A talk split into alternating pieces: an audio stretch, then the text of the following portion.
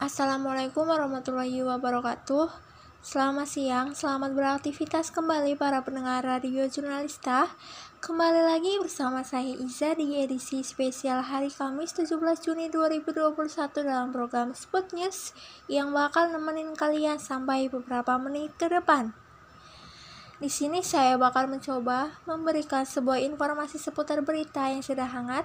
Untuk informasi pertama saya, para pendengar radio jurnalista, terdapat melonjaknya kasus COVID di Kabupaten Tegal sebanyak satu keluarga dari salah satu RW yang ada di Kecamatan Jatinegara, Kabupaten Tegal.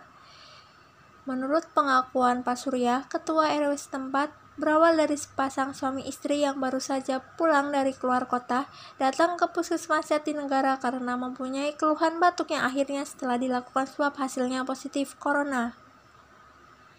Pasangan suami istri tersebut dikarantinakan di Rumah Sakit Harapan Sehat Slawi, Kabupaten Tegal. Pelacakan berlanjut pada keluarganya di rumah yang ternyata sudah terpapar virus corona sehingga langsung dilarikan ke rumah sakit terdekat. Hal itu membuat Kabupaten Tegal ini melakukan PSBB ulang untuk mengurangi paparan tersebut. Ya baiklah, informasi ini menutup kebersamaan kita di Radio Jurnalista untuk edisi kali ini Kamis 17 Juni 2021.